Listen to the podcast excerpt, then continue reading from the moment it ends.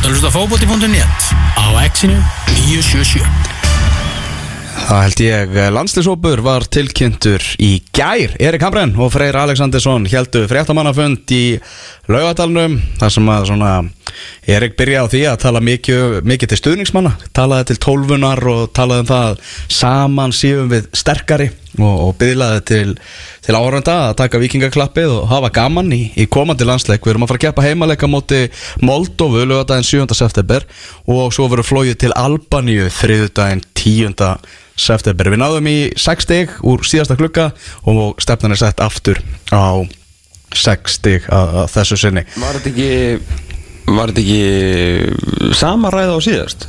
Jú, getur verið. Together we are strong Og svo svona setur hann svona lóan svona saman. Já, já. Together we can do it. Já, já, já, menn við erum vanir því að fá endurtekningar með hafandi við hlusta á Lars Lagerbakk í, í mörg ár. Nákvæmlega. Það þarf ekki að fleggja þetta. Uh, Þetta var annars svona frekar sérstakur fréttamannafundur, einhvern veginn svona hálf vandræðilegur vegna þess að uh, það var bara, þú veist, við fáum bara hópin hann allt í einu síðan á skjáin bara svona er hópurinn, þetta er- eru þið með spurningar? Sko ég er náttúrulega hérna verið einn af þeim sem hafa þú veist þegar ég starfaði sem, sem bladasnápur til margra ára uh, barðist hatramlega fyrir því að að fá þessa fundi eða fyrir ekki að fá þessa, fá svona hópin eitthvað aðeins fyrr mm. nú er þetta kannski svona smá smá svona bransatal, þetta er svona sem að gerist aðeins á, á baku tjöldi þegar að vera að reyna að kynna þennan hóp fyrir eh, lesendum og fólkinu í landinu. Já, þetta kemur náttúrulega neytandanum við og fótballtáhuga mannum Já, algjörlega og hérna, þú veist, þeir náttúrulega á einhverju tímpúndi á mastu og við, var svona einhverju umræða hvað, hérna, meina, alltaf að Lalli og, Heimir voru búin að velja einhvern hópa þá þurftur að fara í sjö mismöndi viðtöl og menn vildu fara að gera fréttamannafundin aðeins betri og er svona ok, þá þurfur náttúrulega þurfa blaminnir að vita hópin eitthvað aðeins fyrir þannig að geta komið undirbúinir Já. og það bara gekk ágætlega í einhvern, einhvern tíma og en síðan er það, er það hætt núna og var hætt í raun og veru uh, því var hætt áður en ég hérna laði pennun og heiluna til í Billy Þannig að ég horfði á hann og fundi ger Hmm. Virkilega spenntur, bara sem, bara sem neytandi sko. Já. Bara sem áhuga maður um íslenska landslið og, og svona og sérlegur uh, podcastari fótbolti.net svona á landslíkjum sko. en þú veist ég hafði svona enga hagsmennar að geta nema mér langaði bara að horfa á hann og fund og fórin á, á vísi.is þeir, eru nú alltaf með fundin í beinni útsendingu og þetta var bara hreinast að hörmung Mm. að horfa á þetta? Já, Ég sko náttúrulega, þú veist, allt þeir voru bara kynna þarna eitthvað moldóska lið og allt í góð með það og sem var enda mjög fyndið að sjá að, að bara yfir maður, bara Rúna Kristirsson er basically að þjálfa þetta. Þú veist, Já. yfir maður knaspundumóla sem að rak þjálfarinn og gerðist bara sjálfur þjálfari. Það var enda gæfu skref hjá Gáur á sínum tíma en það er annar mál.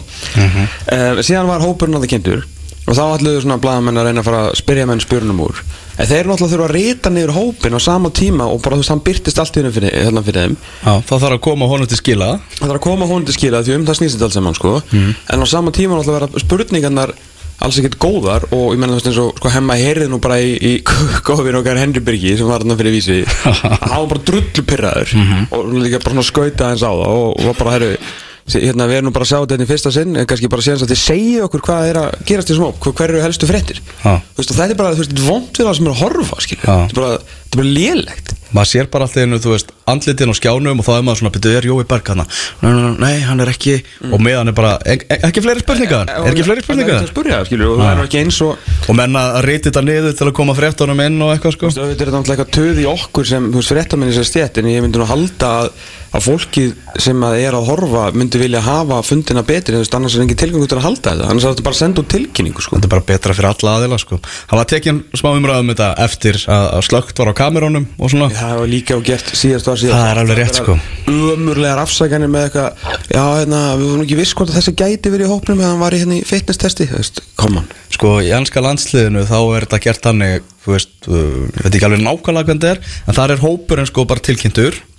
og svo hálftíma setna eða eitthvað þá hefst fréttamannafundurinn. Þar sem að Gary Southgate mæ- mætir og þá fær hann spurningar um, um hópin en þá er hann búin að vera opinberaður skilur í hálftíma.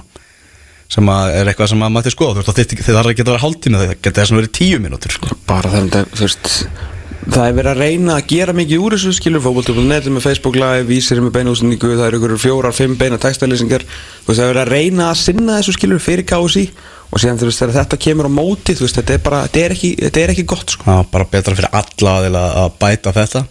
En hópurinn var að lokum tilkynntur. Vissulega. og, Já, og hann með pomp og prakt. Með pomp og prakt. Tveir líki hlekkir sem er ekki með vegna meðsla uh, Rosalega þreyttur á þessu. Já, Jói Berg meittist með börnleik gegn Úlfónum um síðustu helgi og verið frávist í eitthvað 34 vikur sagði Eri Kamerinn á, á frettamannaföndinu Helvítis úlfarnir Já, þetta er bara, bara leiðilegt fyrir, fyrir Jóa að vera bara sífælt að detta á meðslalistan aftur og aftur og aftur sko. Já, og líka fyrir oft fyrir, landslýsverkefni því miður. Já, Okkar allra bestu maður. Mm. Alfreð er náttúrulega svona að skrýða tilbaka og, og er í kamni tala um að svona, þeir höfðu rætt saman og, og þeir voru saman og það væri betra fyrir hann að æfa með sínu félagsliði núna í, í Þískalandi Augsburg sem er í, er í hörkubarti þannig að það er engin Alfreð, það er engin Jói. Uh, svo eru náttúrulega bara leikmenn sem að já, hluta ekki náð fyrir augum Svíjans uh, Birkir Már Sæfarsson sem var í síðasta hópi en ekki í leikdagshópunum. Já, hann var í stúku. Já, hann var ekki í leikdagshópunum. Hann er bara einfallega ekki í hópnum á þessu sinni. Manstu það lag út um daginn hérna, Valsmenn hendu á Facebook hjá sér eða eitthvað? Óskum Birkim á og hann er sér til hamingju. Nei, hann verið valdir í landslið Já, þetta, þetta, svona, þetta pot valsmanna í vinnisni KC hafa fór svolítið illa þarna núna. Já, að þessu sinni, þar sem að þeir fengur náttúrulega að senda uh, trúnar upplýsingar með 35 manna hópnum. Ákveða að byrta það að hann eins og og hans linnukó sem hafa verið mistökuð ekki en, en að það leitið ekki sérstaklega vel út í gær. Nei en Þetta er náttúrulega bara áfall fyrir, fyrir Birkim á Sæfarsson Hann á 90 landsleiki og þú veist það er ekki langt sem við vorum að ræða það Hann myndi bara sigla vel yfir 100 bara hratt og öruglega Ég meina, þú veist, það er engin ánæður með þetta heldur Rúna Kristinsson. Og Birkir var bara að fara að taka landsleiki með þetta bara eftir svona hálft á sko. Já.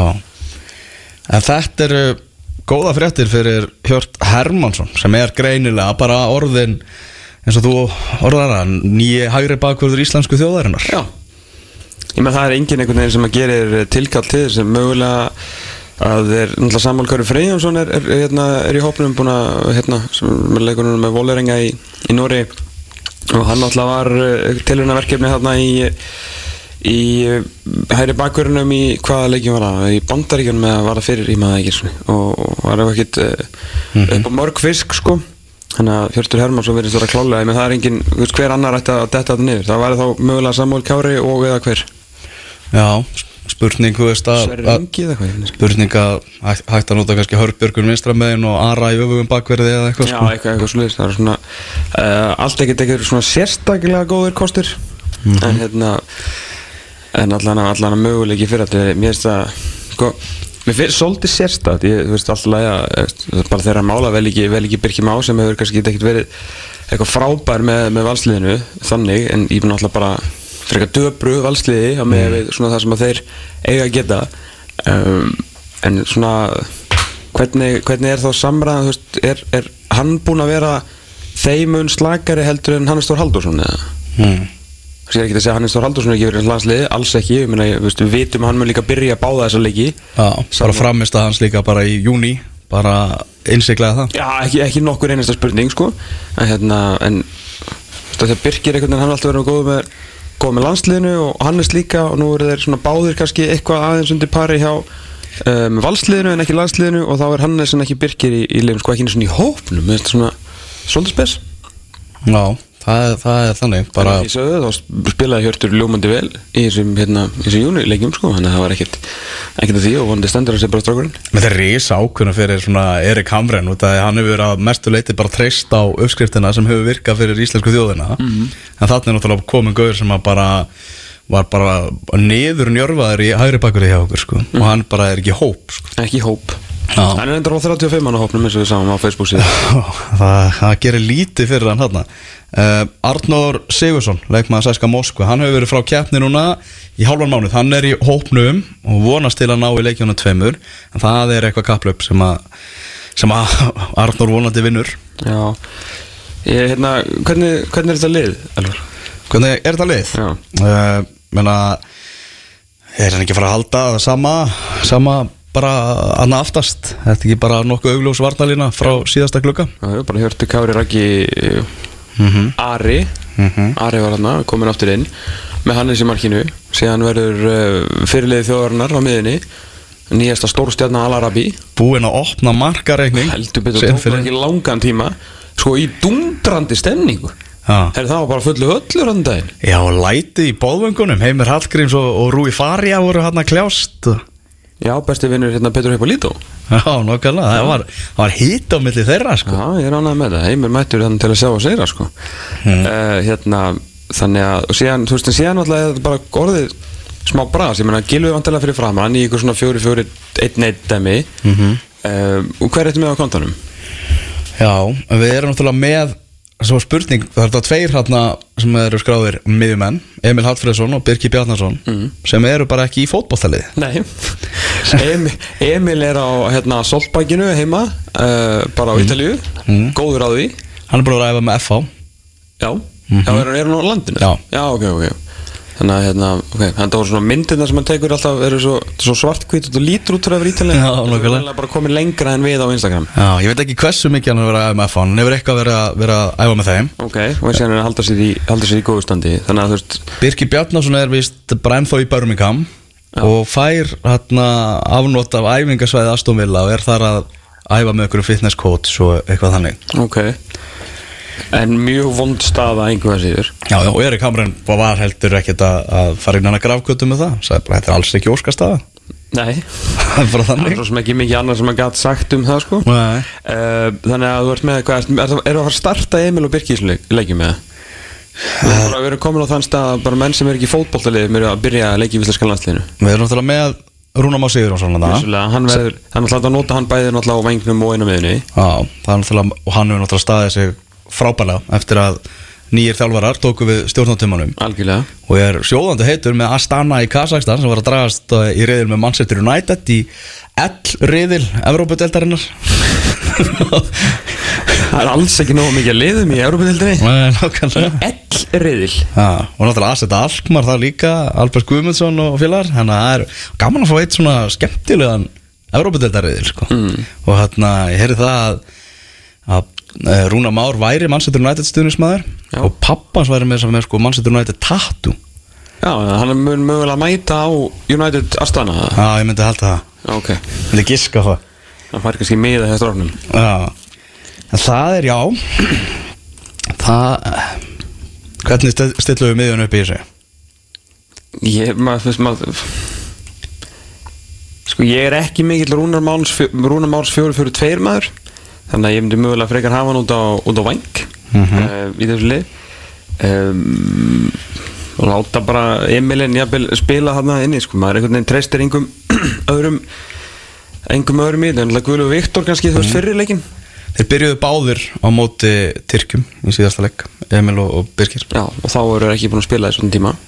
Já, nákvæmlega. Jói Berg náttúrulega byrjaði þann leik líka en hann verður, hann verður ekki með núna Já, ég hef smá ágjur af, af vangnum sko. Ég verður að segja það maður eiginlega að vonast til þess að Arnór Sigursson verði komin í komin í standan, hann getur kannski byrjað uh, öðru hverju megin mm -hmm. Síðan Rúnar Birkir mögulega út á, út á kanti og slis Náttúrulega breyting hjá Moldófu eins og komst inn á áðan með þjálfaraskipti hjá þeim. Hann gerði með grína því hann freyr að Davís Snorri, njósnari var búin að fara hana, ófáar ferðirnar hana, til að fylgjast með þessu lið og nú var hægt að henda bara öllu því sem hann er búin að vera að punta sko. það er það verður eitthvað breyting hérna á. Að- en þetta eru, eins og segja, þetta eru tveir leikir. Og það er eitthvað sem það er eitthvað sem það er horfa klárlega til til dæmis hvað varðar uh, sóknar uh, mennina ég menna að vera með Kolbett Sigþórsson ég, ég sá slatta á leiknum á móti Celtic AEK Celtic, hann er fárulega vel út. Er bara mjög vel út. Já, oftið þarna stangarskot og 20 sekundur og var bara, bara sjarp og bara svona sem vorum að tala um hérna þegar við sáum hérna touchið þegar hann tók hérna Kolbens raðbreytinguna tók mm -hmm. á kanti, lappaði fram með gæja og svo bara stungin af í, með stóra skrifinu við sáum það þá nú er alltaf leginir einhverju 2-3 mánuði síðan og hann var bara ríkala flottur í þessu leik sko. þannig að nú þarf ekki lengur að vera að tala um eitthvað hvort hann geti gefið okkur 20 myndu hér að 20 myndu þar, nú er bara Kolben ég haf að koma sér aftur í það að vera bara bónafætt starter í þessu landslið, ég tala nú ekki um e, þegar að Alfred Fimboðsson er, er frá sko. þannig að er hann ekki, fyrst, er ekki bara Kolben byrja að leika mjög Moldu, bara koma honum almennilega í gang með þessu landslið já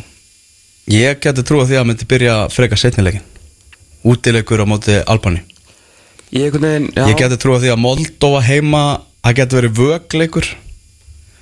Og svo er spurning með Jón Daða Böðvarsson. Já, ég er alveg kannski að sá sko, Kolben á móti Moldovu Já. og ég vil jóndaða á móti Albaníu. Og Kolbeinn í, í svona substitution þar sko. Hmm. það verður djúfisins basl í, í Albaníu sko. Já. og það sem er basl þar er jóndaði oftast helvíti flottur sko. Já. Eða þarf að að vinna svolítið fyrir hlutunum mm Þannig að ég, ég, held að- ég held að ég held að þeir vilja líka bara rosalega mikið bara að starta Kolbeinu sem ég skil ósköp vel. Þannig að ég myndi segja Gilvi og Kolbeinn fram með á móti Moldó og Gilvi og Junda á móti móti Albaníu nema Kolbeinn verður bara þeim eh, ekki heldur hann geti spilað tvo leiki á þreymundum Ég held ekki. Nei, það ég vil segja Kolbeinn Moldó og Junda Albaníu Já, já. Það er mjög erfitt að, að, að rýna í þetta sko að Þetta verður Ég vona, vona það að Erik Hamren taki aftur upp vindilinn eftir, eftir þennan klukka. Já, má það ekki ekki á Íslandi. Nei, ef ég ef við ekki að gefa honum vindil ef að, þarna, ef að koma 60 og þessum klukka Já, það er gumma litla að gefa honum í Albaníu. Já, sem að gefa fyrir hann út fyrir. Því að ef það má einhverstað reykja vindla jafnvel sko inni og jafnvel þú veist bara í, inn í kirkju þá er það í Albaníu Mhm. svona með við það fréttinar og sögunar sem að Maggi var að segja okkur frá því að hann fór hann síðast til Albaníu sko, þar sem menn reyktu bara hvar sem var. Já, nákvæmlega. Skipti engum máli. Mm Já, þetta verður, þetta verður fróðulegt Við ætlum að ég með allstaðar Já, já, klálega Við ætlum líka að vera í London hérna, Glasgow-delinum Ég er Já. lungu, búin að panta það. Var- ég var búinn að fanta Bilbao og Dublin. Já, ég, ég skil það enda líka sko. Það er alveg, alveg virkilega, virkilega sexy sko. Það er sem að horfa á hann hóp núna, er bara eitthvað svona markurður í val. Besti meðverður sögunar í vikingi Mhm. uh, er ekki aðri fyrir bjöldildinni í Belgíuna er ekki Já. ústandi í að uh, tveir án félags. Æjæjæj þetta er einhvern veginn svona er alltaf þetta er svona ég segi ekki, það er svona aðeins svona farið að síga hérna á, á, setni hlutan hjá sumum sko Já, mætti, mætti vera fleiri svona sterkari kostir sem að maður geti séð taka við kjöflinu Ég væri til í að það, ég væri til í það að mm -hmm. sjá að, að vera sko markvörður hérna sem spilar heima að miðvörður sem spilar heima að tveir án félags skilur, ég væri til í að vera segja, væri til í að geta sagt að þetta sé ekkert bull, skilur, af hverju eru þeir í liðinu? Það eru strákar hérna bankað á dyrnar og þeir eru komnir heim og hinn eru ekki einu svona í liði. Mhm. en það er bara ekki þannig, sko. Og það er raun og veru umræðan að þú veist að menn geta þurfi ekki svona að spila í fótbóltaliði til að vera í íslenskan landsliðinu. Þetta er að hafa gert meira en nóg í gegnum tíðina til að verðskulda þetta sæti sitt. En uh, þú veist, er, þú veist þurfi ekki einhverjir að svona aðeins að fara að hugsa sem gang og kannski fara út í eina aukaæfingu eða svo þegar þú kennst ekki landsliði þegar það eru gæðar án fótballtalið svo undan þér? Já, það er alveg góðu punktur sko. Svona, já. En við trúum því að, að þetta, þessi hópur eigi eina stórkjarni eftir í, í viðbót. Já, ekki spurning, en ég er ekkert að setja út þá, sko. Ég er að setja út á næstu kynsluð Hvar er, hvar eru mennabanka dyr? Já, algjörlega sko. Þessi leikir verða hérna, það var bara vika í, í hérna fyrirleikin Mm. Og þú verður erlendis, þannig að ég og Benny Bós verðum að hita hérna upp. Og ég verðum bara ákveða það sko. Benny ætlar að vera í betni frá Ölveri sko. Já, Það bara að senda Benna á, á Ölver í partíi sko. Byrju, klung hvað er leikur en á löðinu? Já, heldur fjögur á löðan Já, ok, þannig að hún er bara hérna Ég vil trommuslætti og Já, já, já. Læti. Já, Byrju, er er klung fjögur löðinu Heldur ég sjá henni eftir í bóstónu? Það er alltaf eh, á árinu 2019 er alltaf að finna einhverja leiðir eða ekki? Já, ég meina við horfðum á á íslenska la- landsliði vinna Króatíu á í Keilusal í Færium Bólingkollin á hálsi. Já, Já. á, á, á, á rúf, sko. Já, nákvæmlega, þeir hendur bara rúf á fyrir okkur. Þannig að við erum bara í hauki harðar allar eftir Færi Það er þannig. Heyrðu þið, þannig að það. Við höldum áfram með þáttin hérna eftir auknar blik Við ætlum að fara að opinbera val þjóðarinnar á bestu leikmönnum Pepsi Max deildarinnar. Ekki missa því. Þú ert að hlusta á fótbolti.net á exinu 977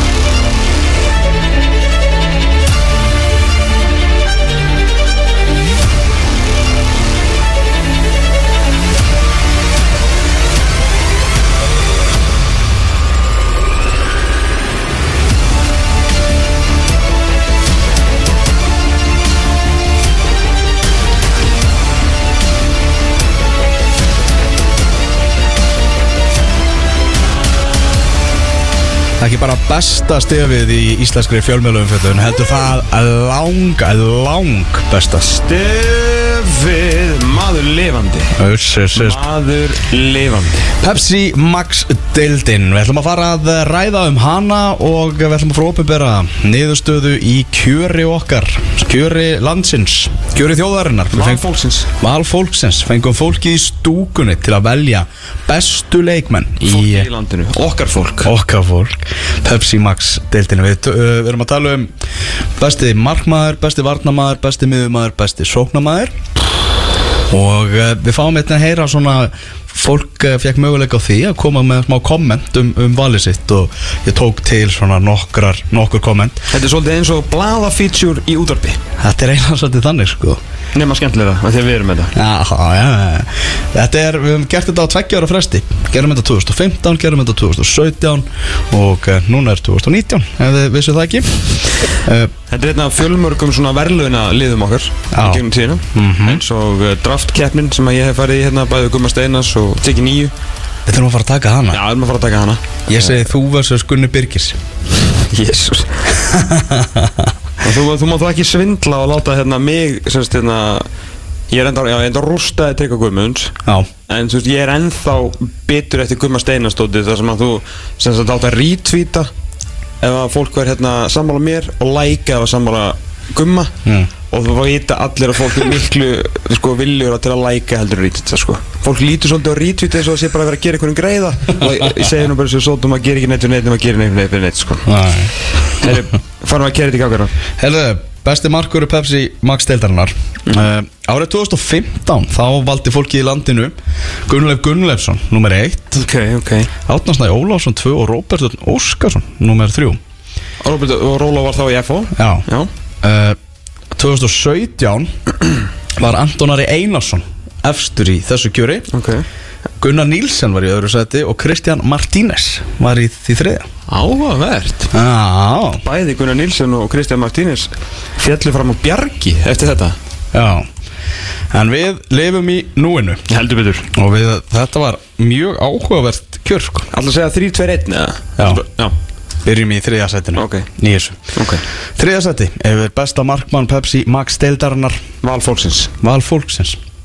Arnar Freyr Ólafsson HK Sáu hún að standa sig Já, frábærlega. Það verður ekki annars að. Þetta er svo klettur uh, fyrir aftan þessa ógnar sterku vörðna hágáðinga Hágáðingar er aðeins búin að fá þessi 22 mörg Gerði þetta svona slæmi, minnst ekki í síðasta leik? En á þessu rönnu þeirra sem að uh, er að koma um Já, ekki bara úr fallbaratu, þetta er langt frá fallbaratu inn í Evropabaratu Er hann búin að vera algjörlega, algjörlega frábær. Flottustrákur sem að kannski engi bjóst við. Að yrði á þessum stað, á þessum tíma. Uh, mm. Náttúrulega ekkert land síðan að hann var bara varamarkur í breiðholti og einhvern veginn svona dagað upp í háká en sá hefur tekið stórstöðu framförum og bara verið geggjaður. Já, það voru nokkur komment sem komum hann. Endilega. Uh, Gerir fá mistök, alvöru skrokkur, velspilandi og frá, frábær einn gegn einum. Ímstur höfðu útilokað að hann væri nægilega góður fyrir efstu deild fyrir tímabilið en hann hefur svo sannarlega svarað þeim efasemda röddum. Stór ástæðan fyrir góðu gengi hákáinga í sumar. Það er hægt að taka undir það sem fólki í landinu er að segja þannig Heldur betur.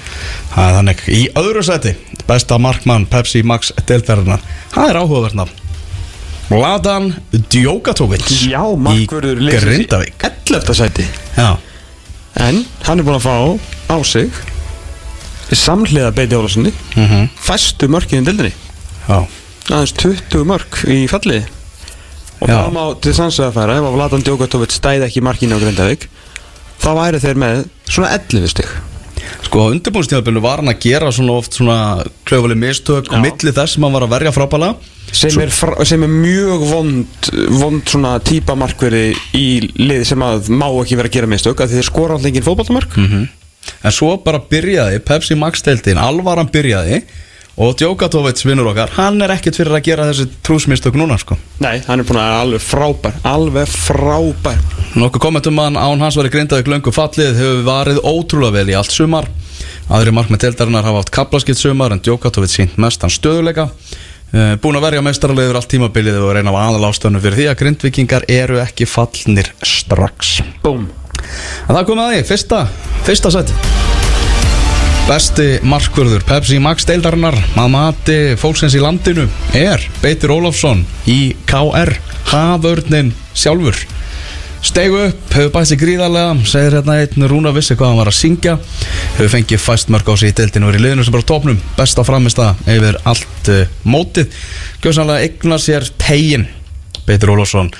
Dætti svona komu svona tveir, þrýr leikir þar sem hann var ekki upp á sitt besta. En Já, er hann svona svolítið eins og að væri byrjar að fagna. Bara Já, nákvæmlega, en á heildina litið besti markvörður deildarinnar í sumar?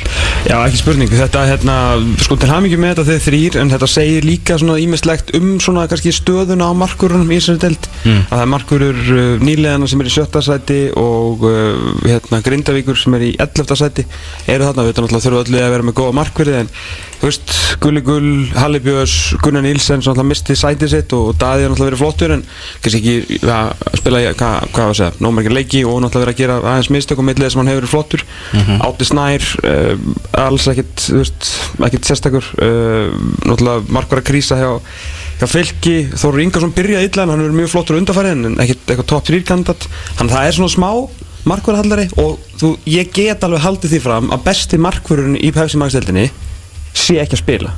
Og þú, get, þú, veist, þú getum alveg raugrætt á fætturu Já. ég hef ekki endilega rétt fyrir mér en ég get mjög öðvöldlega sagt að varamarkur val sé besti markvörun í Pepsi Max deildinni. Verðandi, markmaður breyðabliks Já, þannig er staðan á markvara hérna, stöðunni í þessu deild. Já, það er líka, þú veist, náttúrulega bara frétt út af fyrir sig að, að aðalmarkmaður íslenska landsliðsins komist ekki á top 3 í þessu vali, sko. Það er nefnilega svolítið þannig. Og fyrst við erum að tala um Pepsi Max deildina Hefur ekki að fá okkur eina Pepsi Max Lime? Jú, á, vel gert. Takk. Það lítur ekki, lítur ekki ítla út. Herru, við skulum vinda okkur yfir í besta varnarmannin og eh, árið 2015 þá var það Kristinn Jónsson sem að tók þennan titil. Damir Muminovic var í öðru seti og Tómas Gúldborg Kristensen í því þriðja.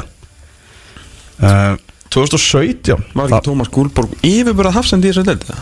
er ekki að mati fólksins í landinu. Nei, við og við deilum ekki við, við það fólk. Uh, Valur tók bara hérna, tók þetta á yppun hérna 2017 við erum að tala um Eiður Aron var þrjú, Orri Sigurður tvö og Bjarni Ólafur var eitt. Já Littla rústið. Já, já, já. En uh, hvernig er staða núna fyrir 2019 besti varnamaður Pepsi Max deildarinnar í þriðja sæti í, uh, í því vali er þinn maður Kári Átnason Víkingur. Þriðja. Góður. Hann, hann er hérna í þriðja. Uh, og þetta er nokkuð komment ég Já, meina, það er alltaf varna með Þetta er alltaf ekki bara miðvörður. Nei, Nei, þetta er bara varnarmaður. Jöp, jöp, jöp ég meina maðurinn mun mæti í byrjunarlið í næsta landsleik eins og ekkert séðilega augljóslega er hann bestur. Uh, sér einn þvíleikur kvalreki fyrir deildin að fá hann heim. Og uh, svo kemur hérna vikingar hann á stöðuleika og jafnvægi leiksin með hann á miðjunni. Hefur náttúrulega verið svona undarförna að taka það hlutverk. Já, reyndar. En ég taldi, þú veist, að hann fekk þarna atveik, a- atkvæði sem miðjumæður En ég taldi það sem varnamann Ok. Flokkaði Kára sem varnamann Heyrðu, í öðru sæti Átján ára gamall Finnur sem allt vinnur. Nei, nema stundum. Já, Finnur Tómas Pálmarsson Káar Ótrúlega tröstur þráttur ungan aldur Spilar eins og hann hafi verið í deildin í mörg ár. Uh, Mögnuðin komin í deildina og rosalegt að vinna Íslandsmeistaratitil á fyrsta ári sem allt stefnir í uh, Árangur K Já, ég er ána með þetta. Árangur K er með Finni í liðinu er 2,62 stig að meðaltali í leik 13 leikir. Án hans 1,2 stig sem eru 5 leikir. Búm Þannig að það var eitt sem að fó bara hérna í Excel-skjalið og, og reknaði þetta út fyrir okkur. En það eru hlustundur okkar bráðgáðaðir Það er þannig, það er þannig. En í fyrsta sæti Besti varnarmaður Pepsi Max deildarinnar Sami Og tók þetta 2015 Kristinn Jónsson. Don't call it a comeback. Já, þá var hann í blikum Nú er hann í káar Hefur frábæri suma, sérstaklega sóknarlega menn einnig tröstur varnarlega. Ríkalega góðu sóknarlega fyrir káar, mjög mikilvægur í leik toppliðsins. Leikmaður sem skilar alltaf sínu og lætur verkinn tala inn á vellinum. Hann er búin að vera alveg fun heitur. Hann er bara algjörlega geggjaður og þetta er einhver Ég ætla ekki að segja einhver ótrúlegasta endur komið sann Ég held bara í fyrra og hitti fyrra og svona eða eftir hann kom heim núna. Þú veit, ég var bara fann að halda að myndi bara að fara að hætta þessu. Þú veit, hann er búin að vera svo slagur með við einn standarda og er svona kannski slagur með náttúrulega hann er bestu 2015 mm þannig að hann er búin að koma sér á ákveðin, ákveðin pall. Mhm. en síðan hefur hann bara engan veginn svona lifað eftir eh, við svona kannski náð eigin eigin veðmum, sérstaklega eftir hann kom heim og þetta stutla stopp í breyðabliki og da da da da da sko. þannig að sá er búinn að uh, ég rífa sig aftur í gang og er sá Kristinn Jónsson sem að við þekkjum. Því að sá Kristinn Jónsson sem að við þekkjum er óstöðhandi og bara mögulegt besti bakurur bara í sögu eftir deltar Færum okkur á miðjuna. Gerum það. Gerum það. Í uh, árið 2015 þá var uh, Davíð Þór Viðarsson í þriðja Oliver Sigurjónsson í öðru og Emil Pálsson. Hann var í efsta sæti og uh, var að fá hérna ábyrðingu frá hlustanda sem að var eitthvað efast um að þetta væri Pepsi Max Lime sem þú væri með það. Ég vissi það. Þetta var ekki Pepsi Max Lime. Jú, jú, þetta var það. Hefur þarna að Þetta tók mig aðeins úr sambandi þarna. Já, ég var í 2015 eða ekki? Uh, 2017 var Davíð Þór Viðarsson í þriðasætti Haugur Páll í öðru og Hilmar Átni Haldursson í fyrsta sætinu. Besti miðjumadur Pepsi Max deildarinnar. Í þriðasætti í dag Pálmi Rapp Pálmarsson hjá KR Pálmi átti smá erfiðlegu þar að kom fyrst en eftir að Rúna tók við uh, liðinu hefur hann náð, uh, náð því besta út í honum. Setur tónin í þessu KR liði sannkallaðu kjarnismæður og leiðtói þegar Pálmi er í gýr þá er KR í gýr glemum því ekki að Pálmi Rapp var bara næstu í farin í, í Enkasso-dildina sko. Svo bara mætti Rúna Kristinsson og, og hann fór alltaf að smella sko Búin að vera algjörlega frábær. Og var líka reyndar bara, ekkert bara í ár sko. Var líka hrikalega góður í fyrra og búin að vera bara rosalega flottur. Og náttúrulega hendar þessu fótballtali eins og vel og mögulegt er sko. Hvernig þeir bara spila og hálger kannski framlenging af um, Rúnari Kristinsinni inn á vellurum. Þeir gera það sem þeir þurfa að gera til þess að vinna fótballtaleikina og það eru fáir svona svona meiri fótbolla heilar og kunna að svona hala inn seirum eins og lögsum eins og Pálmera Pálmarsson Í öðru seti er leiðisfélagi Pálma Arþór Ingi Kristinsson. Já. Góðu miðumaður skila mörgum, gefur stóðsendingar og duglegur í því að brjóta í spil anstæðinga Einn albesti leikmaðurinn á mótunum jafnir svo besti, leikilmaður besta leiði deldarinnar Káurlið er ekki jafn eh, stert ánans uh, Mögulega mikilvægsta tannhjólið í vél Káuringa Já, sem er nú uh, samt sem aður hætt, já, það er alltaf meittist sko. Ah, já. En það hann bara, ég veit ekki hvað er maður á er ekki fleiri orði yfir Arþór Inga á þessa, á þetta tímbil hans? Sko Ef hann hefði ekki meðist Þá hefði hann gert bara, þú veist, alvöru tilkallega að vera bara maður mótsinn, sko. Já, ef hann hefði haldið áfram á, bara í sömu að ekki nokkur einasta spurning. Já. það hefði verið ykkur skemmtilegasta og óvantasta saga og besta val á sko, besta leikmann deildarinnar bara síðan Emil Pálsson sko, mm sem var, svona, var mjög skemmtilegt val. Já, þetta er svo talaði mitt um Rúna Kristinsson hann er svo klókur að sækja menn Ég bara nákvæmlega leikmennina sem að liðið hans þarf sko. Já, og náttúrulega líka að gera þá betri og láta þá spila vel. Já. það er náttúrulega ekkit eðlilega góðu þjálfuri hann er ekki eðlilega við til leikmanna sko. En í fyrsta sæti hann var með þó nokkra yfirburði í þessu vali. Besti miðjumæður Pepsi Max deildarinnar. Svo sami og fyrir tveimur árum Hilmar Átni Haldursson í stjörnunni. Uh, Boltatækni í leikskilningu, sendingageta og ákvarðanataka er á hæsta geðaflóki og svo kann hann að klára færin sín. Eh, Þó hann tæki engar vítaspinnur, aukaspinnur og hóðspinnur var hann samt besti miðjumæður deildarinnar. Top 3 leikmæður deildinni síðastlegin ár skilar alltaf einhverju sóknarlega fantasy key. Já, hann er náttúrulega, sko, þeir sem eru ekki með hann í fantasy þeir þurfa náttúrulega bara að hugsa sem gang. Já, þeir vilja ekki vinna. þeir þurfa að hafa engan áhuga á því að eh, vinna. Nei, ég meina, þú veist, ég, ég hendi nú í hérna svona smá uh, týstum hann um daginn hennan Já. ágæta, ágæta pilt sem ég held að segi bara helviti mikið um hann. Mhm. uh, og náttúrulega það sem hann er búin að skila sóknarlega er, er ævintýrlegt, hann er í baráttum guldskóin enn eitt árið, hefði mögulega tekið það í fyrra og Patrik Pedersen hefði ekki farið þarna á, á flug Mhm.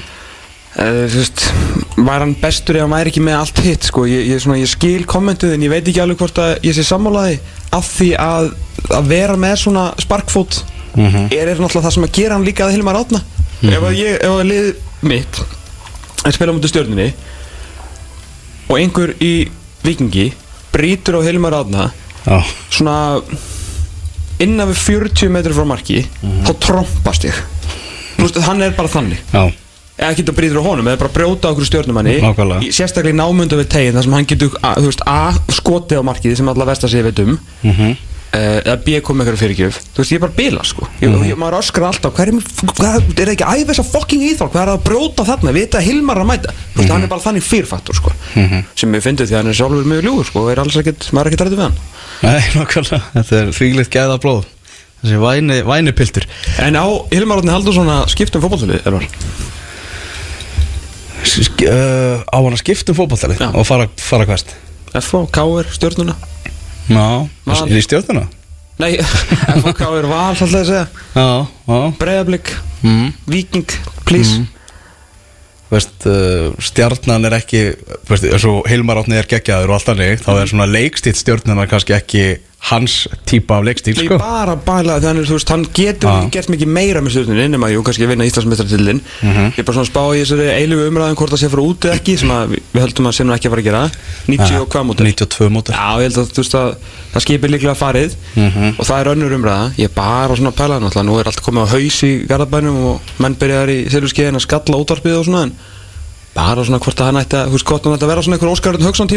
Hann hann mm. koma og vera bara legend þarna og vera bara alltaf þarna.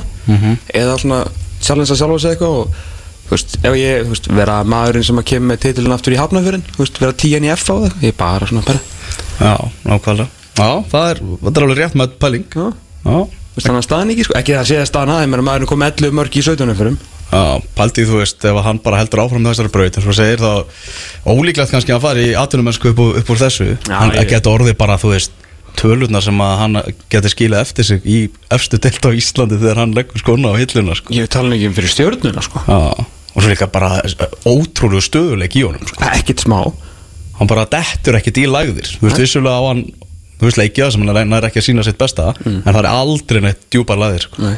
En það er eina lægið sem að Silvurskeiðin syngur er Hilmar Sátna Haldursson lægið Já, Það og einu með boltan láta það bara næja. Herðu, besti sóknamaðurinn uh, Árið 2015 var það Jonathan Glenn sem var í þriðasæti Alli Guðn. Alli Guðnason var í öðru sæti og Patrick Pedersen var í því fyrsta. Uh, 2017 þá vorum við með uh, það var fólk í landinu með Gauja Baldi í þriðja Steve Lennon 2 og andra Rúnar Bjarnason í efsta sæti. Nú áhverju og það hann bara gati ekki hægt að skora sko. Og hjapnaði markametið. Já, það var, það var eiginlega þannig sko. Glemið aldrei að veist, þetta eru Þetta eru Dotti og Tseki Nýju og, og PC Pip og, og Andi Rúnar Þessar helstu góðsagnir í íslenska fótboltar Það kekkjaði eitthvað sko Og Torvasen Í ár, í þriðja seti Patrik Pedersen hjá Val. Hmm. Staða Vals var svo allt önnur Patrik hefði verið með frá byrjun þegar þetta er skrifað hefur hann skorað sjömörki sjöleikjum klárlega besti sóknarmaður sem spilaði hefur verið í deltinni í sumar. Einn hæfileikaríkasti leikmaður sem hefur spilað á Íslandi og skorar í hverjum einasta leik. Ég held að við aðeins unni gegn honum um þetta að hann byrjaði ekki í mótið. Hann væri mögulega bara nummer eitt ef hann hefði, hefði hafið leik á mótin í ár. Mm. uh, en geggjaði guður uh, það, má vel að segja sko topp þrýr hérna þessi þrýr sem er á toppnu núna skáru sig algjörlega út í sóknarmannafloknum Ok. Í öðru sæti fyrirliði Káaringa Óskar Örn Haugsson við, við reiknum þetta þannig þú veist að miðum við fjóri þrý þrýr leikjarfið Já. og þannig að vangmennir í fjóri þrý þrýr teljast sem sóknarmenn. Ok Uh, hefur leitt vagnin hjá KR, frábær fyrirliði skorur og leggur upp, feikilega mikilvægur sannar enn og eftir hversu góður hann er þrátt fyrir að vera 35 ára gamalt, snerpa og sprengikraftur útsjónarsemi og tekur réttar ákvarðanir í 9 af 10 tilfellum. Segir, segir eitt þannig Já, ég meina, þú veist, 6 mörg, 6 dósningar komið hérna, 12 mörg komið beinum hætti með, hérna, sko, markiða stóðsningu uh, hérna, með bandið í besta liði landsins. Já, tefla markiða stóðsningi leik þannig að þetta er mjög vel þetta er utan að vera ekki eðlilega góður í fótbolta, sko. Mm uh, í fyrsta sæti á þessum lista Mm. Tómas Mikkelsen hjá Breiðabliki. Valinn besti sóknarmaður Pepsi Max deildarinnar. Mm. uh, frábær leikmaður frábær, frábær nýja kannski svolítið að græða því á hvaða tímapunktu við erum að taka þetta því hann hefur verið náttúrulega að skora núna upp á síðkastið. Já, datt í smálaðið Já. 11 marksand komin í, komin í 16 leikjum og hérna flottur, ég er mikill aðdándi mm. geggjur nýja, sterkur í loftinu, góður í fótunum staðsetja sig uh, vel alltaf pyrrandi, alltaf fullu og alltaf líklegur. Uh, eina því að blikar er ennþá séns á titlinum.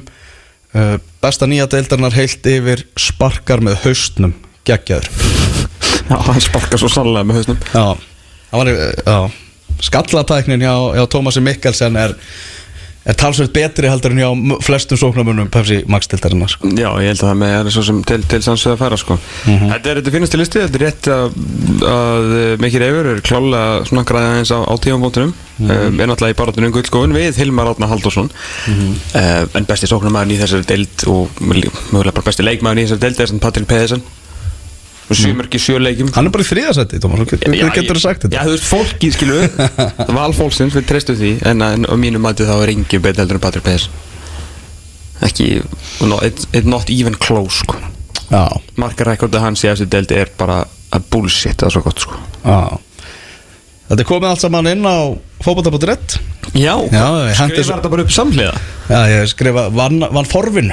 Það var að heimavinna og, og, Fílíkur leikmaður. Já, og þetta er allt saman komið þannig að þið getur bara að skoða þetta val og, og hverjir hann að Hörðu fyrir valinu, það var, var gaman Ég taldi, taldi þetta með gamla skólanum. Fekk mér svona hann eins og þið Pepsi Max Lime drikk og og bara, þú veist fór yfir tölvupóstana og, og, og bara króta þetta niður á blað og svona sko Þú ekki, ert mikill blaðmaður. Ég er mikill blámaður sko. En það er, skrifa ég vel sko. Þú gerir það, það er rétt. Ég myndi segja að þú ert ekki á gummi benlefili En þú ert Guð með penin náttúrulega bara í sérflokki Það er ég- sérflokki, hann náttúrulega bara skrifar eins og maður sem vinnur við skrautskrift. En að því sögðu þá skrifar þú næst best af öllum karlmönnum sem ég þekki.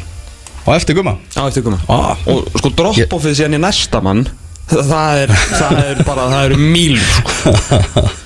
Eru þið 19. umferð Pepsi Max deildarinnar Við erum að tala um Grindavík Káa í dag klukkan fjögur í Grindavík Sko það, ég, ég þekki Er þetta svo kallar sexteðleikur? Ég þekki gott fólk fyrir norðan á Akureyri Já. Og það er búið að vera skjálfandi í vikunni Á stressi fyrir þennan leik sko. Ég staðan er þannig að Grindavík vinnur þennan leik með tveimur mörgum hm. Þá er Káa í relegation zone. Já. Fallsæti á Káa menn sko Sem er að berjast fyrir lífið svona í dildinni Og það væru heldur betur sögulínur í því. Já. Og það er náttúrulega þessi félög að komast að samkomlega skipt á þjálfurum fyrir tímabilið. Það var skemmtilega Já. Það er líka skilað þeim alveg helviti miklu. Já, þessum fallbartislag allavega núna. Er ekki hérna Ég meina það er bara þannig Að Grindavík vann þjálfara skiptin við Káa Já. Það er mjög einfalt að segja það. mm. Þessi leikur verður dæmdur af, af uh, ég, ég mjónaði með það, það dómaratríu frá Wales sem bara dæmir þennan leik. Já, ok. Oft hafa svona, þú veist, þegar kom einhver útlendingar hafa verið að fá stundum svona bara eitthvað svona ei, eitthvað svona ómerkilega leiki. Já. Það er bara alvöru fætingsleikur og einhverju breski dómara sem er að fara að leifa alveg helviti helling sko. Þetta verður gaman. Þetta verður nefnilega gaman. En sko málið í fyrra Á síðastu leitið Þá fekk endaði sem Grindavík með, með 25 stig Dildi um, Nú er við svo með 7 stigum minna Það eru líka fjórir, hvað er ekki fjórum fyrir eftir það? Á 19. verða að byrja Já, einmitt Svona þú veist talandi um þessi, um þessi skipti sko að hérna, þú veist, Káa Káa sérst í, í fyrra náði á endanum í 28 stig sko. Mm. Óli Stefán er uh, Óli Stefán er 7 stigum frá því. Hann er 7 stig til að jafna árangur Sættan Tófa getið frá því í fyrra Mm. sem að þótti ekki viðunandi þannig að hann var sendur uh, yfir heiðina til Grindavíkur. Yfir hafið og heim. Yfir hafið og heim, beint í Grindavík þar sem hann er að gera sko hlutfalslega, er ekki túfa hann er að gera betri hluti heldur en Óli Stefán Flóvinsson með við mannskapin sem hann er með sko. Mm. Náttúrulega farnir listin hjá Grindjánum. Mhm. á móti stigunum sem að túfa er búin að ná í með herkjum. Með herkjum. Á þessu tímbili Já. með sko böðli og brasi. Já. Þú veist þetta er náttúrulega magnaðar árangur. Að menna káa með allt sitt 24 skóri átta leikjum 21 stig. Rosalega slagt eins og ég segi bara í raun og veru ætti Grindavík að vera í IPVF stöðunni Já. þú veist, bara með við mannskapin sko. Þeir bara réðu of uh, öflugum þjálfara fundu allt og góðan markmann. Og, og frábæra miðvörð. Akkurat. og annar svona eh, raðast þannig kring. Og já, svo bara dettur vonandi eitthvað inn sko. svo kannski fara þær í sókn og mögulega ná ykkur sóknarlótu þess að þeir kannski fá færið að skora. Uh, Dúllubarinn, það verður nóg að gera þar. Því að það er búið upp á stjörnuna FH 1915 í kvöld. Það er hjúts, laugadagur og dullubarnum Já. Er ekki, þú veist, eitthvað boltatilbóð og fimm í flösku og hvað Flóðljós og, og allt flæðandi Vá. Úf, úf, úf Þurftum að, þurftum að fá hérna er ekki að fá smá hérna úða? Örlitin úða kvöld. Það er hvort sem er Jú. svo ógeðslega kalt þarna, það skiptir engum máli. Mhm. Þótt að bætist við smá regning mm -hmm. að Því að úðin í flólósum sko, hann er í betna á stöðu sport. Það eru svo góð skotin af því sko. Fráber Herri, það er, ykkur, það er engin með stjórnum í þessu leika, það? Já, all, allir í banni. Er ekki allir í banni? Jú, Rúna Páll er í banni Eftir þrjú guður frá Jóhanninga. Já. Um, Davíð Þór Viðarsson, hann er ómeð í þessum leik mm sem er mjög vant fyrir, fyrir F-fáingana Þetta er, er hjónsleikur fyrir Európumæður Já, þetta er nefnilega alveg, alveg risa, risa leikur sko. Það eru fjóri sem missa af FH stjarnan. Davíð Þór Viðarsson hann missir af þessu. Uh, Jósef Kristinn Jósefsson Rúna Páll Sigmundsson. Og hver er fjölið? Það er eitthvað hress. Það er einhver, einhver góður strákur. Já, vantar samt eitthvað þetta inn á Jú, Alex Þór Hauksson.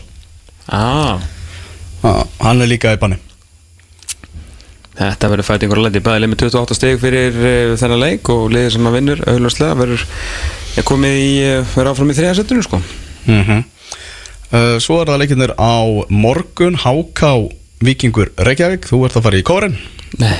Nei, þú ert ekki að fara í kórin Ég er að fara til Lon- London. Já, þú ert að fara í, í norður Lundunaslæðin Já. uh, Í vestmannu mætast IBVF og Valur. Svo er það sjómasleikirnir á stöðtur sport. Uh, KRIA verður klukkan 17 Og svo 19.15 breyðablík á móti fylki. Á vandunum talsist í, í fylkisliði í, í, þeim leik. Já Er alveg bannað að þú veist mætti Valur bara segja bara, hérna, bara kastu pening upp á úslitunum út í IBF Þú veist, eða nenni ekki að fara skilur, er með 60 og það er allir hættið þar þetta er Já, þeir eru bara fastur undirbúðs undir einn kasso Já, það er þetta að gera það mjög vel. Já. Heldur þarna Halldóri Páli og, og Gasbov og eitthvað. Já, nákvæmlega. Af hverju var Garri svona áfjöður að vera áfram í alveg bara frá því að ég veit ég ekki hvað? Hann, er hann ekki bara, þú veist, að fíla sér svo rosa vel sem stór fiskur í lítilli tjörn? Jú, kannski ég er rosalega með þetta. Þetta gerir náttúrulega sko hellerins helling fyrir einn kassa á næsta ári sko. Já, nákvæmlega uh, Andres Már Jóhannesson uh, Sam Hjússon og uh, Valdimar Þóri Ingimundarsson eru í banni gegn breyðabliki hjá, hjá fylgismenn hann bara horfa á þessa barátarna fyrir neðan uh, Európusettin, þetta er svo mikið, veist, hver verður í mestri fílu Já. þú veist, það er, er búið að tjálta svo miklu til hjá svo mörgur liðum bæði þú veist, hvað var það, sko, peninga, leikmenn og eða, þú veist, væntingar sem eru byggðar annarkvort á, á sko, sandið eða bjargi mm -hmm. og það er bara, þú veist Valur 15. seti vombriði, HK, er þetta HK 17. seti flott, 7. seti í að með við byrjuna þegar ég held að þeir vera að fara Íslandsmeistarar og fleiri að hérna, þú veist, það veit ég hvort að endanum kannski verða þeir bara sáttir eða enda kannski staðar 0-30 stíðunum, það er bara frábært sko Fylkir vildi miklu meira, Víkingur miklu meira, Káa miklu, miklu, miklu meira og síðan grindaði mögulega á leiðin niður og IBF náttúrulega bara disaster sko Já, nákvæmlega Það er mikið af, af, af svektum hausum í þessari delt Já, algjörlega Það er þannig. Pepsi Max þetta er mikið stuð og það verður eh, innkast á fótbolta.net annað kvöld að umferðinni lokinni. Höldum áfram með þáttinn eftir smá stund. Þú ert að hlusta á fótbolti.net á exinu 977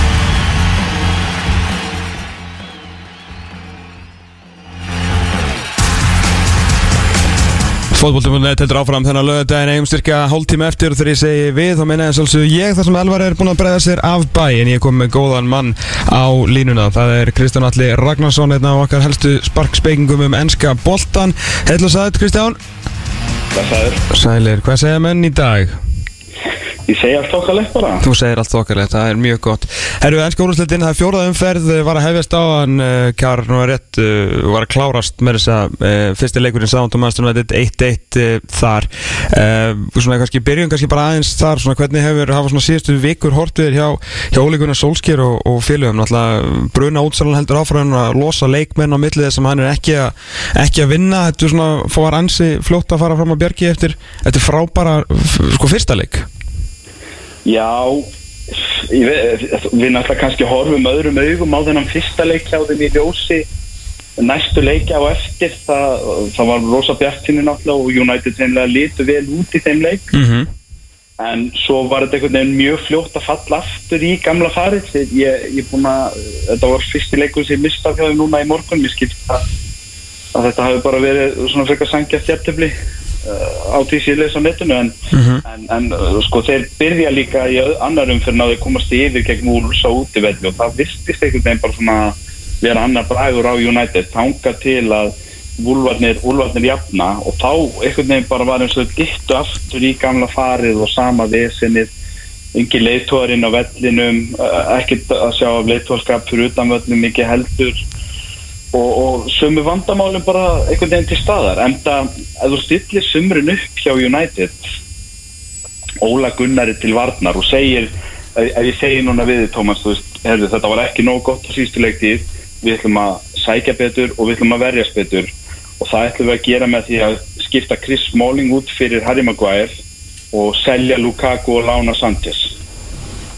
Og þar með það eiginlega upptalið Já, einmitt. Na, svo, uh, ég, það er bara algjörlega ósangjart að ætla að hóla Gunnari það að fara að rífa það eitthvað í gang og vera núna með sókn sem að stendst eitthvað samanbörð við, við, við 2-3 kannski bestu liðin í deildinni uh, hafandi fengið tvítuðan strák frá Swansea í staðin fyrir Lukaku og Alexis Sanchez. Og, og þó svo Harry Maguire sé mjög góður, ég hef verið hrifin á honum síðan hann var hjá Hull að hann þarf meira í kringu sig heldur en að það að hann fara að bera það eitt sko. Ég, ég er ekki hrifin af Lindelöf og, og það sást til dæmis í tableiknum gegn Pala sem síðust helgi hvers konar vesen það verður í vetur hjá þeim ef þeir ætla að vera með Lindelöf og Phil Jones og kannski tvo leiki með Marcus Rojo eða eitthvað sitt við hliðin á Harry Maguire. Þetta, þetta er bara ekki nóg gott og það þarf meira og þá er náttúrulega alltaf spurningið því að ég held í alveg að við stefnum í annað tímabil hjá United þar sem að þeir eru ekkert nálægt nálægt hérna einhverjum toppi í deildin en geta kannski verið að berjast um mistarðildin eins og síðast áru er spurning hvort að menn detta inn þar eða ekki. Er hægt að gefa Óla Gunnar einhverja fólimæði og segja heyrðu við hérna í stjórnarherbygginu klúruðum þessum sumaklukka alveg? Hérna og þannig að hann er súkulega klein í vetur eða er Óli Gunnar núna allt í einu að rúka upp veðbankana sem kannski mögulega fyrsti stjórn sem missi vinnuna. Það er svolítið erfitt að meta hvað stjórnir United er að hugsa þar en ég held að ef, ég fengi að tala við þá í fimm myndir þá myndi ég ekki tala einu orði um Óla Gunnar. Ég myndi segja bara við að vinsalega slíti í speil en þið verða að gera betur en þetta sumar 2019 alveg saman hvað þjálfarinn heitir hann verður að fá meira móða en það sem þið buðu Óla Gunnar upp á núna Ég meina, er, er það ekki líka bara spurninga mynd um, við talandum sko vanda leiðtóa inn á vellinum, en hvað þá er mitt í þessu blessa stjórnarherbyggi og fyrir þá sem er að taka ákvarðanar, því ég meina að maðurinn er, hann er bara eins og segir, hann er, er, bara, hann er settur upp einhvern veginn til þess að bara gera ekki, ekki nógu góð hluti, því að fá tvo menn í vörnina, það er alveg, þú veist, sömu vandamálinn fram á við og, og svo einhvern veginn er glugginn fyrir á fullt eftir að gluggarnir lokar og þá er einhvern veginn verið að, að losa menn núna, þú veist, pælingin í þessu virðist nákvæmlega engin, sko. Nákvæmlega lengin og það sést best á því að því að, að og, og, og að því að þú kalla mér nú sparkspeking ég er ekki sparkspekingur að miklu leit en þegar það kemur á liðlegum sumaklukkum þá er ég með doktorskráðu eftir að hafa fylgst með Liverpool síðast áratíðin og eitt af því skýrasta sem þú sérð hjá liðum sem er að eða sumrin í eldastu leikmenn er þegar að þú byrjar allt í einu svona, þú veist, tveimur vikum fyrir mót að eldast við framherja eins og Paulo Dybala hjá Juventus. Mm þá allt í einu ferð að reyna að bjóði hann í leikmann sem að þú verður valla að þefað utan í í tvo mánuði. Það segir manni, heyrðu það var ekkert plan hérna. Og þegar það var komið langt lið á júli voru menn farnir að panika og líta á hverjir getur mögulega verið að fara að losna frá sínum félögum og, veist, og það er þar sem þú endar á að fá leikmenn eins og Falcao eða Di Maria eða Zlatan eða eitthvað og kannski einn af þremur af þessum virkaði og náða að rífa félagið þitt upp eitthvað. Það er þar sem þú endar í þessari pælingu að heyrðu við erum ekki við bara höfum ekki tækin og tólin hér til þess að gera við þennan brotna glugga þannig að við ætlum bara smetla plastur á hann. Og það er það sem Paulo Dybala átt að vera og það tókst ekki að þeir eru búin að reyna við tvo fyrir aðra framan á sumði sem var ekkert að gerast. Og þá erum við allt innu farnir í einhverja neyðarættingar svo takast ekki einu sinni neyðarættingarnar í ár þeir náðu ekki sínum Falcao eða sínum Slatan skilur til að sitja plástur á sárum og, og þá náttúrulega situr United eftir bara í frekar erfiðri stöðu. Ég efast ekki dum að það er kannski meiri samhælni hóknum og eitthvað svona eftir að uh, greinilega vandamála mennirni Lukaku og Sanchez voru látnir fara og bara með öllum ráðum en borgar nánast með Sanchez út um, út um dittnar bara til að losna við hann en þú ert samt að skilja félagið eftir í verju stöðu að þýrleitunum til og þjálfarinn hefur úr minna móða hann getur þá allavega ekki eins og kallað á Alexis Sanchez. Veist, Óli Gunnar fær þá ekki að láta á það reyna að koma Alexis Sanchez í gang því við vitum að það er hörku leikmaður ef hann kemist í gang. Og það er alltaf betra að eiga svoleiðs leikmann og geta kannski átt einhverja 20-30% sens á að koma honum í gang í sitt fyrra form heldur en að hafa ekkert þar Nei, alg algjörlega, þetta er náttúrulega en við færum okkur aðeins yfir í hérna, yfir í Liverpool sem United myndi eins og vorum að segja að gera eitt í dætlu við Soundon á hann. Þínum með Kristján, þeir náttúrulega fara frikalega vel á stað og staðin er ekkert sérstaklega flókin, þeir minna bara að vinna rest og, og þá er bara er tillin í, tillin í höfn. Er bara vinna rest. Þetta eru, eru, eru nýju mánuðis það er næju tími fyrir ímislegt hjá öllum en, en hérna svona vegna aðstæna þá erum við búin að horfa á held ég þetta er annar leikurinn núna þessi háttegisleikur í dag sem ég missa við byrjt útsendingu hjá ykkur félögum á símanum. Það er nú bara því að mann er með löppin upp í loftin í gifsi og hérna hafandi horta á hvern einasta leik hjá, hjá öllum top 6 liðunum en þá, þá finnst mér bara sama upp á í fyrra. Það er gæðamunur á Manchester City og Liverpool og hinnum liðum. Er, er bilið að breyka þar? Ef eitthvað er það bilið að brekka það, að, þýleitum til kannski það er svona smá upphefð hjá hinum liðunum. Það veit ekki alveg tóttinam þeir eru að gerða aðeins þeir kiftu vel í sumar en það þarf að láta það smelta saman. Og það er ekki alveg að gerast hjá þeim í byrjun. Á meðan að City og Liverpool eru hér um byrju með sama mannskapu í fyrra. Og það er bara við að keira á því skilur og, og þannig að menn eru bara að klára tímabilið eins og þeir enduð það í fyrra. City er eftir hennan jafntefnisleik við tóttinam og þá það með eitt jafntefni held ég öruglega 14 sigra í sístu 15 eða eitthvað brjála sko. Mm -hmm. og er núna búið að vinna 12 í röð. Og það er bara einfallega þú veist, tóttinam er lið upp á 80-85 stíð í þeirra deilt og Chelsea og Arsenal gæti alveg verið 75-80 stíða lið. En ég, ég er eiginlega hissa ef að Liverpool og City fara ekki yfir 90 stíðin eftir það, það er bara gæðamunurinn á þessum liðum. Maður er eiginlega býst við því að þetta verður bara annað einví, svo kannski verður þetta ekkert einví, svo kannski stingur City af eða, eða eitthvað sko en, en, en það verðist allavega að vera nokkuð ljóst allavega, við getum orðað þannig ef eitthvað lið stoppar City að vinna þriðja titilnir, þá er það Liverpool. Það er engin annar að fara að gera, það. Er að nánast ljóst strax núna í ágúst sko En er hérna, sko eins og með, með Liverpool, náttúrulega lítið keftið, náttúrulega er náttúrulega að vinna svolítið á sama liði núna og náttúrulega allt bara að smetla og þó er hefði átt vond prísi, svona sést bara hvað menn þekkja vel inn á sig og er bara að spila alveg frábælega.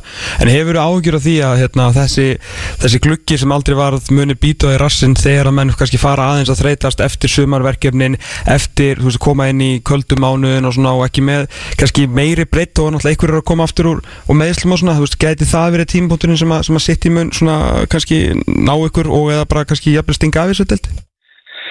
Þa, já, e, það er svona það sem að, að ef ég þurft að spá fyrir um af hverju sitt í kannski sikli tíu stigum fram og liðupúli yfir beturinn þá myndi ég gíska það að sitt í alveg eins og fyrir og hitti fyrir að hefur bara einfallega meiri breytt.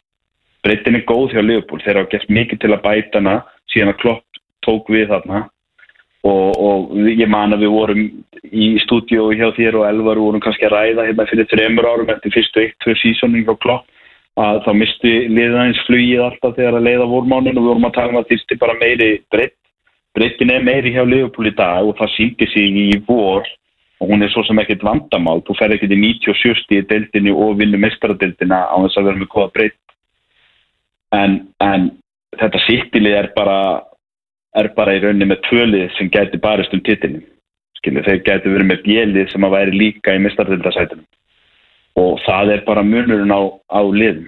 Og ég veit ekki ég veit ekki hvar þú stoppar þetta sittilið hérna. En þetta náttúrulega munið bara einu stíf vor. City er búin að fara í 100 stig og 98 stig. 97 stig voru ekki nóg á Liverpool. Getur Liverpool farið aftur í 97 stig því að þessi Guardiola bolti ég er ekkert vissum að þeir veði mikið undir 95 stegum sko. Þeir fara aldrei heldur undir 90 þú segir það, þeir þurfa að verða 8 stegum verði heldur mér fyrra til að fara í 90 steg og, og ég sé þá ekki dala það mikið. Þannig að þetta er svolítið svona ókvænlegt að horfa á þetta verandi með þetta frábæra liðupúli í höndunum og, og þessa brekku sem að viðist eiginlega bara nánast tómulegt að klífa. En við sjáum til, það getur ímyndilegt gæst kannski, kannski vinnum við leika mútið sitt í deildinni, það kannski ef, ef að menn hefur unni leikinu á anfinn til dæmis sem fyrir það, þá er menn nóðið mistarar það er þetta hugsa eitthvað svo les Já, alltaf, það er stutt á, getur verið reykjala stutt á í þessu. Uh, Svona, er ykkur svona lið sem að heitlaði svona í, í byrjum móts? Og náttúrulega að tala um að svona liðin sem ættu kannski einhverjum drauma heima að banka þess að toffju baráttu væri, þú veist, Lester og, og Úlfarnir, náttúrulega Úlfarnir kannski í þessum Európu fasa sínum og fara bröðsulega á staðin en svona hvernig líst þér á, þinn gamla stjóra hérna Brenda Rótsis og, og, og hérna Lesterlið og kannski þá sérstaklega James Mattisson Lester eru góðir. Það er bara mjög öðvögt að þýfast með því liði. Ég þeir verða betur enn í fyrra og þá voru klár batamerkjaðum eftir að Rodgers tók við og ég býst við að þau batamerki bara haldi áfram.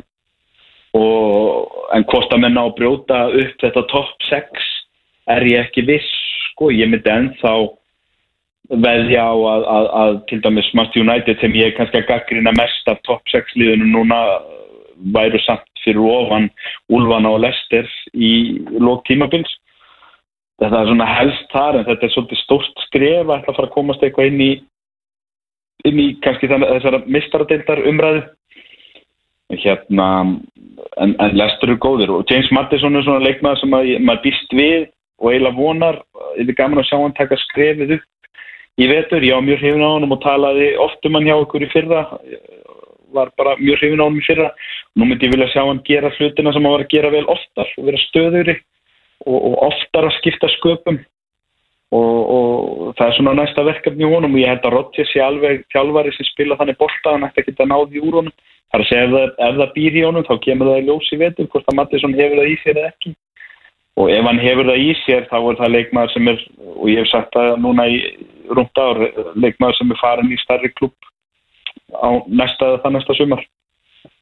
En, en með Ulfana þeir verða sterkir, þeir verða topp tíulið ég er ekki vissum að þeir fari mikið herra en það að því að þeir eru í Európa-deltinni ef þeir fari eitthvað langt í henni að, þá er það svolítið nýtt fyrir mönnum að vera alltaf að ferðast til Európa í miðurvikunni og, og eiga svo að spila deltalikum helgin ekki að gliði þeim búið að vera í og það tekur tóll, við sáum það til dæmis á tóttinam í, í vorst, þeir fundu í deltinum leðu þeir voru konir langt í mestarbeldinu menn þurfa að vera svolítið vanið í og úrlöðin eru ekki vanið í að vera í Európa líka. Þannig að það mun taka tollaðum og það er kannski ekki hægt að dæma þá hægt ef þeir gerir eitthvað sniðut í Európa og þá verður kannski ekki hægt að dæma þá hægt ef þeir gerir ekki mikið meira en að halda sér tótt í deildinni Ef við horfum til hérna, morgundagsins þegar stórleikur helgarnar og umferðarnar fyrir fram uh, Arsenal, uh, Tottenham, Kristján Alli þetta er náttúrulega, þetta er mjög áhugaverið leikur og svona förðulega stór kannski með að við að það sé bara fjóruðum fyrir þetta er alltaf stór þegar þessi tvölið mætast og meirinn bara, meirinn bara þrjústi í húi en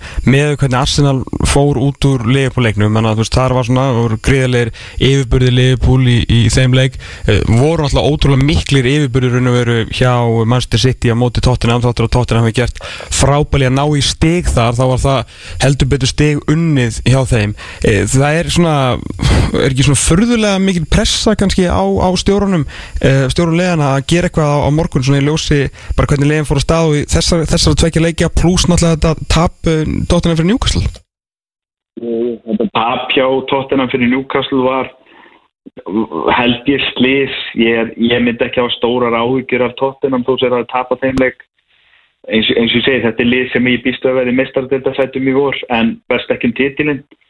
Uh, Arsenal, ég ætla að verja þá aðeins. Mér fannst 3-1 að vissuleiti starra heldur en kannski gefa til kynna einhver, einhverja meiri yfirbúri hjá Liverpool heldur en var því að Liverpool hefur búið að flengja Arsenal núna heldur þrísar eða fjóru sinni með röð og anfíld í deildinni og þessi leikur var ekki þannig flenging. Emery fannst mér gera réttar hlutið að hann uh, hendi í demantamiðju og hann tók lagasett út til að geta verið með meiri vinslu í, nýjamannunum Pepe við hliðin á Aubameyang. Og það var alveg að virka því að þeir letu Leopold á boltan, það voru öll að horfa á leikin og segja að Leopold var að stjórna leiknum og pressa allan tíman að það er að því Arsenal voru að láta á hafa boltan og Leopold voru ekkert að búa til í fyrirháleiknum, fangum til að marki kemur á festustu og fyrstu mínútu úr hotni að þá er Leopold alltaf búið að búa sér til færi í leiknum.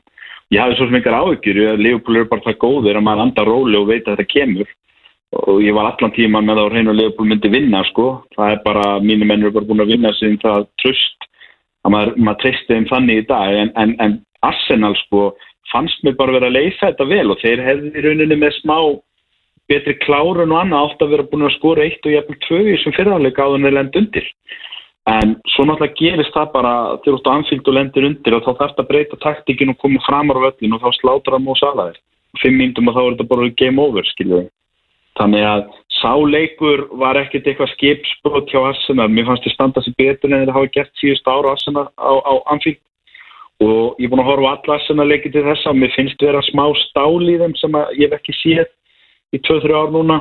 Og, og með þessa framlínu ef að Pepe getur smollið þarna frammi með, með Lacazette og, og, og Aubameyang þá er það sóknarlína sem getur stríkt hvaða lið sem er. Og ég ég gæti jafnvel að í dag þá myndi ég eiginlega skjóta á Arsenal takki fjóða mistarðundasæti ég vor á samt Tottenham City og Liverpool. En þannig að það getur maður breyst fram tíma í það er, það er, er heil meðganga bats eftir í þessu tímafél þetta er langt tímafél þannig að það er ekkert alltaf að marka hvernig hlutunni líti út í ágúst en mér hefur litist svona best á Arsenal af, af kannski Arsenal, Chelsea og United.